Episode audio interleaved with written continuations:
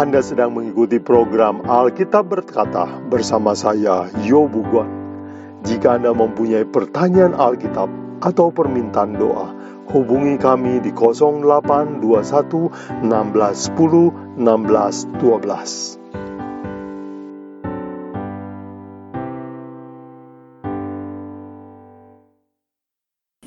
Baik saudara sekalian, Hari ini kita akan melanjutkan pembahasan kita tentang 10 hukum dan hari ini kita akan sampai kepada hukum ke-9, jangan bersaksi dusta tentang sesamamu manusia. Baik saudara sekalian, sebelum kita belajar, mari kita tunduk kepala untuk berdoa. Bapa kami di surga, pemilik hukum yang membahagiakan manusia, melindungi kami dari segala yang jahat, memberitahukan kesalahan kami, supaya kami boleh diselamatkan oleh firman-Mu. Bapa di surga, sementara kami belajar hukum kesembilan, bantu kami supaya mengerti, diberikan hikmat yang sejati. Dalam nama Yesus kami berdoa. Amin.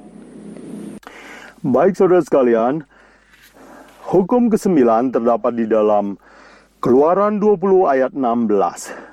Jangan bersaksi dusta tentang sesamamu.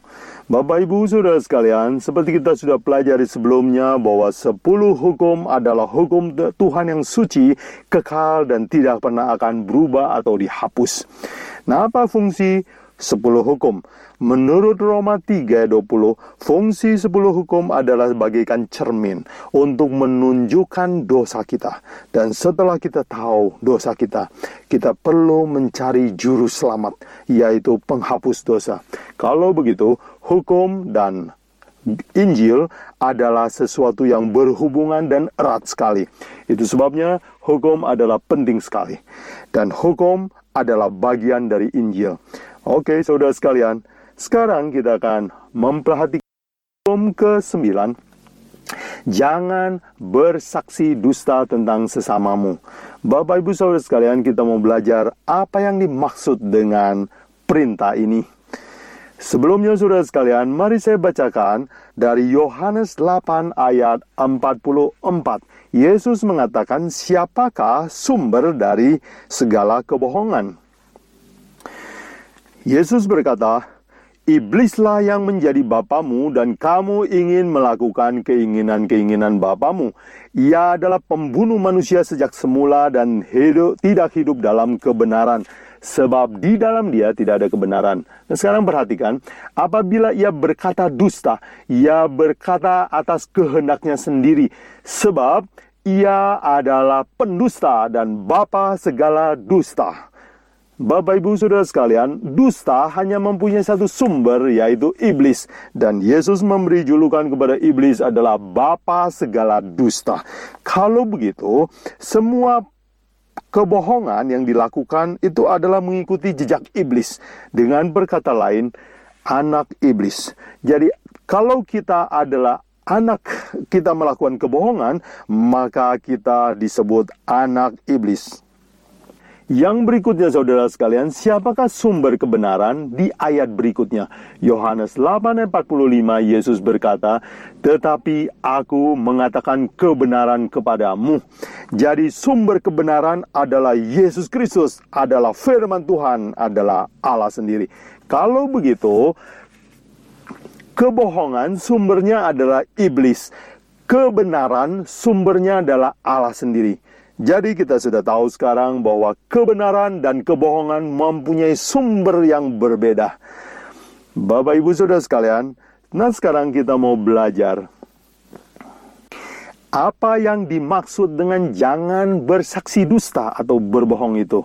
Di dalam Imamat 19 ayat 11 katakan, Jangan kamu mencuri, janganlah kamu berbohong, dan janganlah kamu berdusta seorang kepada sesamanya. Kalau begitu, arti pertama dan yang paling jelas dari kata jangan berdusta itu adalah nomor satu, membuat kabar bohong atau kabar palsu. Dan itu jelas sekali. Yang dimaksud adalah berita palsu, kabar bohong, bukan yang sebenarnya, Dan semua kebohongan dalam bentuk apa pun dengan motif baik atau buruk. Semua yang bohong adalah disebut berdusta. Jadi arti nomor satu adalah mengatakan kabar bohong. Sekarang kita mau belajar arti yang kedua. Mari kita buka Matius 5. Ayat 33, Yesus berkata, kamu telah mendengar pula yang difirmankan kepada nenek moyang kita. Jangan bersumpah palsu, melainkan peganglah sumpahmu di depan Tuhan. Tetapi aku berkata kepadamu, jangan sekali-sekali kamu bersumpah, baik demi langit, karena langit adalah takhta Allah, maupun demi bumi, karena bumi adalah tumbuhan kakinya, ataupun demi Yerusalem, karena Yerusalem adalah kota raja besar. Nah perhatikan, Ayat 37, Yesus katakan, Jika iya, hendaklah kamu katakan iya. Jika tidak, hendaklah kamu katakan tidak. Apa yang lebih daripada itu berasal dari si jahat. Jadi Yesus katakan, iya katakan iya, tidak katakan tidak. Lebih dari itu berasal dari iblis.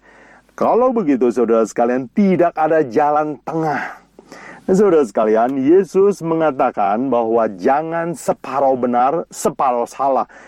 Benar atau salah, hanya dua pilihan itu. Jadi kalau begitu, jangan berdusta. Arti yang kedua adalah jangan mengatakan setengah kebohongan dan setengah kebenaran. Apa yang termasuk dalam kategori ini saudara sekalian? Mari saya buka satu ayat di dalam uh, Keluaran 23 ayat 1. Janganlah engkau menyebarkan kabar bohong. Janganlah engkau membantu orang yang bersalah dengan menjadi saksi yang tidak benar. Perhatian saudara sekalian, Alkitab melarang kita turut menyebarkan kabar. Kabar bohong atau mungkin setengah bohong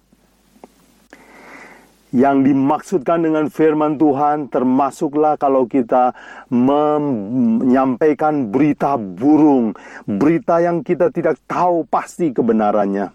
Itu juga termasuk bergosip tentang kekurangan seseorang. Kita menyebarkan berita keburukan seseorang kepada orang lain. Saudara sekalian, apa yang disebut gosip?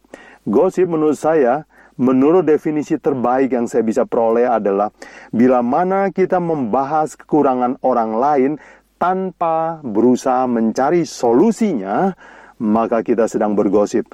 Jadi kalau begitu, kalau kita tidak bermaksud menolong orang lain atau membantu mereka keluar dari masalah, jangan kita membahas kelemahan orang lain, karena itu termasuk bergosip.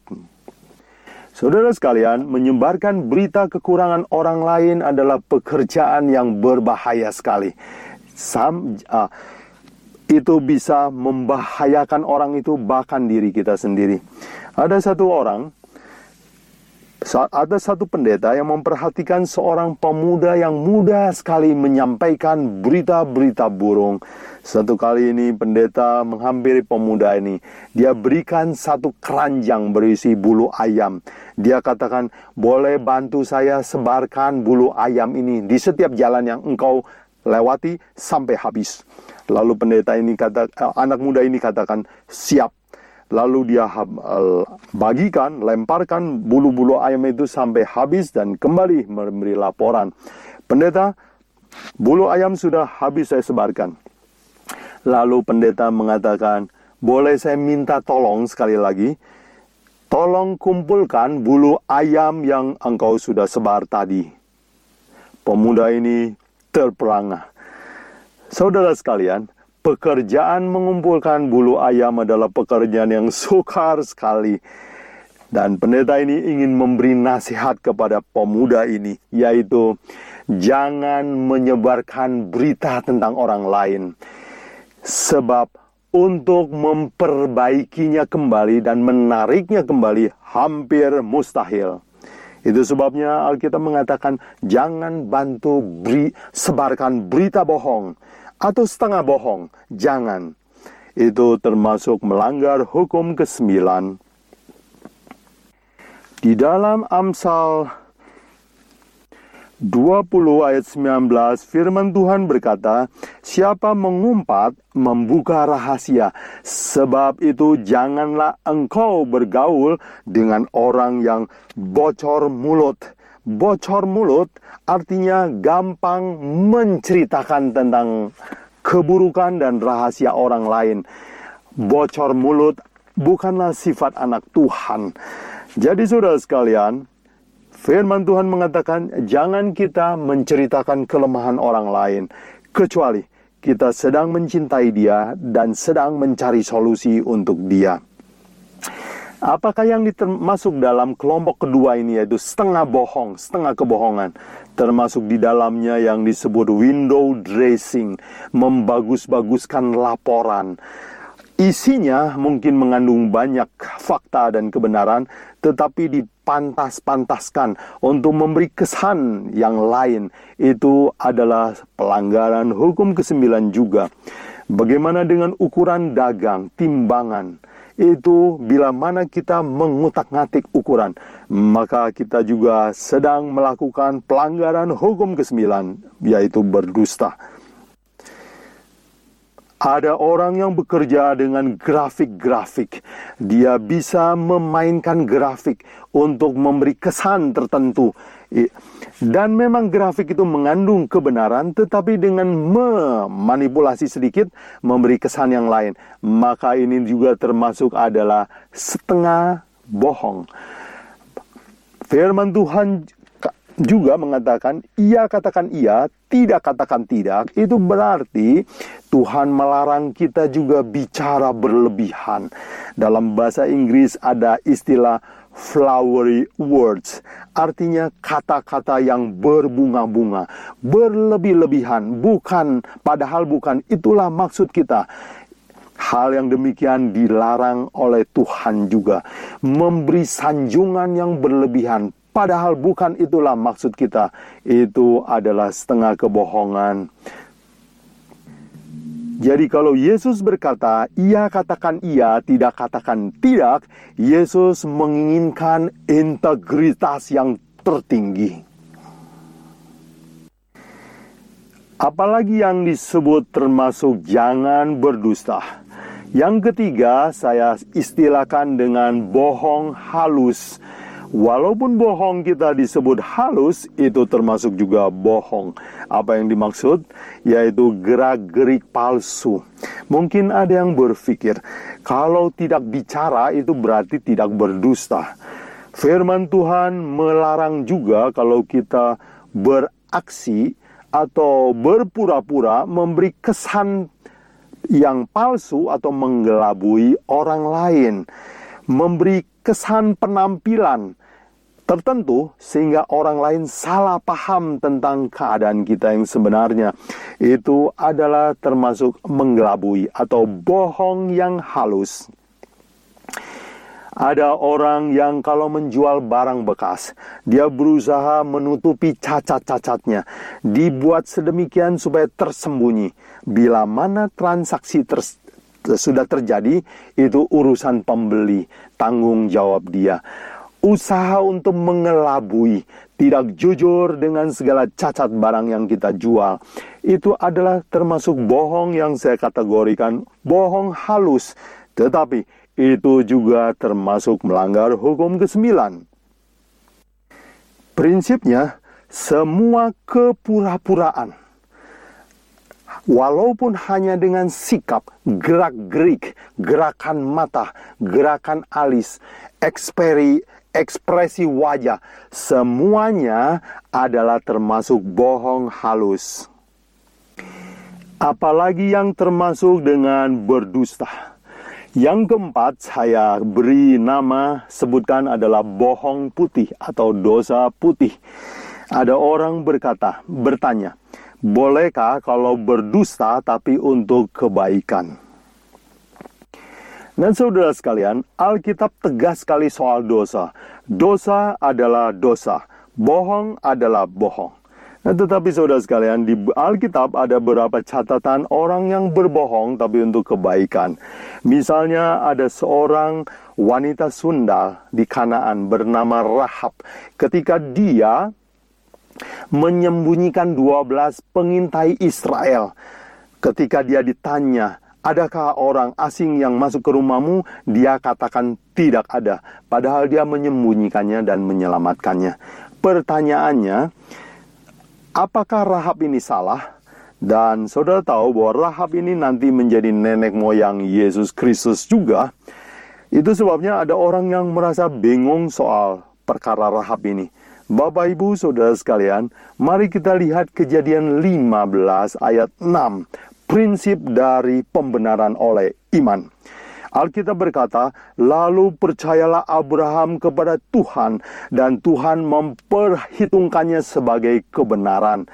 Kalau begitu saudara sekalian, yang membuat Tuhan berkenan memberikan kebenarannya kepada Abraham bukanlah karena uh, kebohongan yang dilakukan oleh Abraham atau Karahab, tetapi karena iman. Iman adalah satu-satu barang yang membuat Tuhan senang.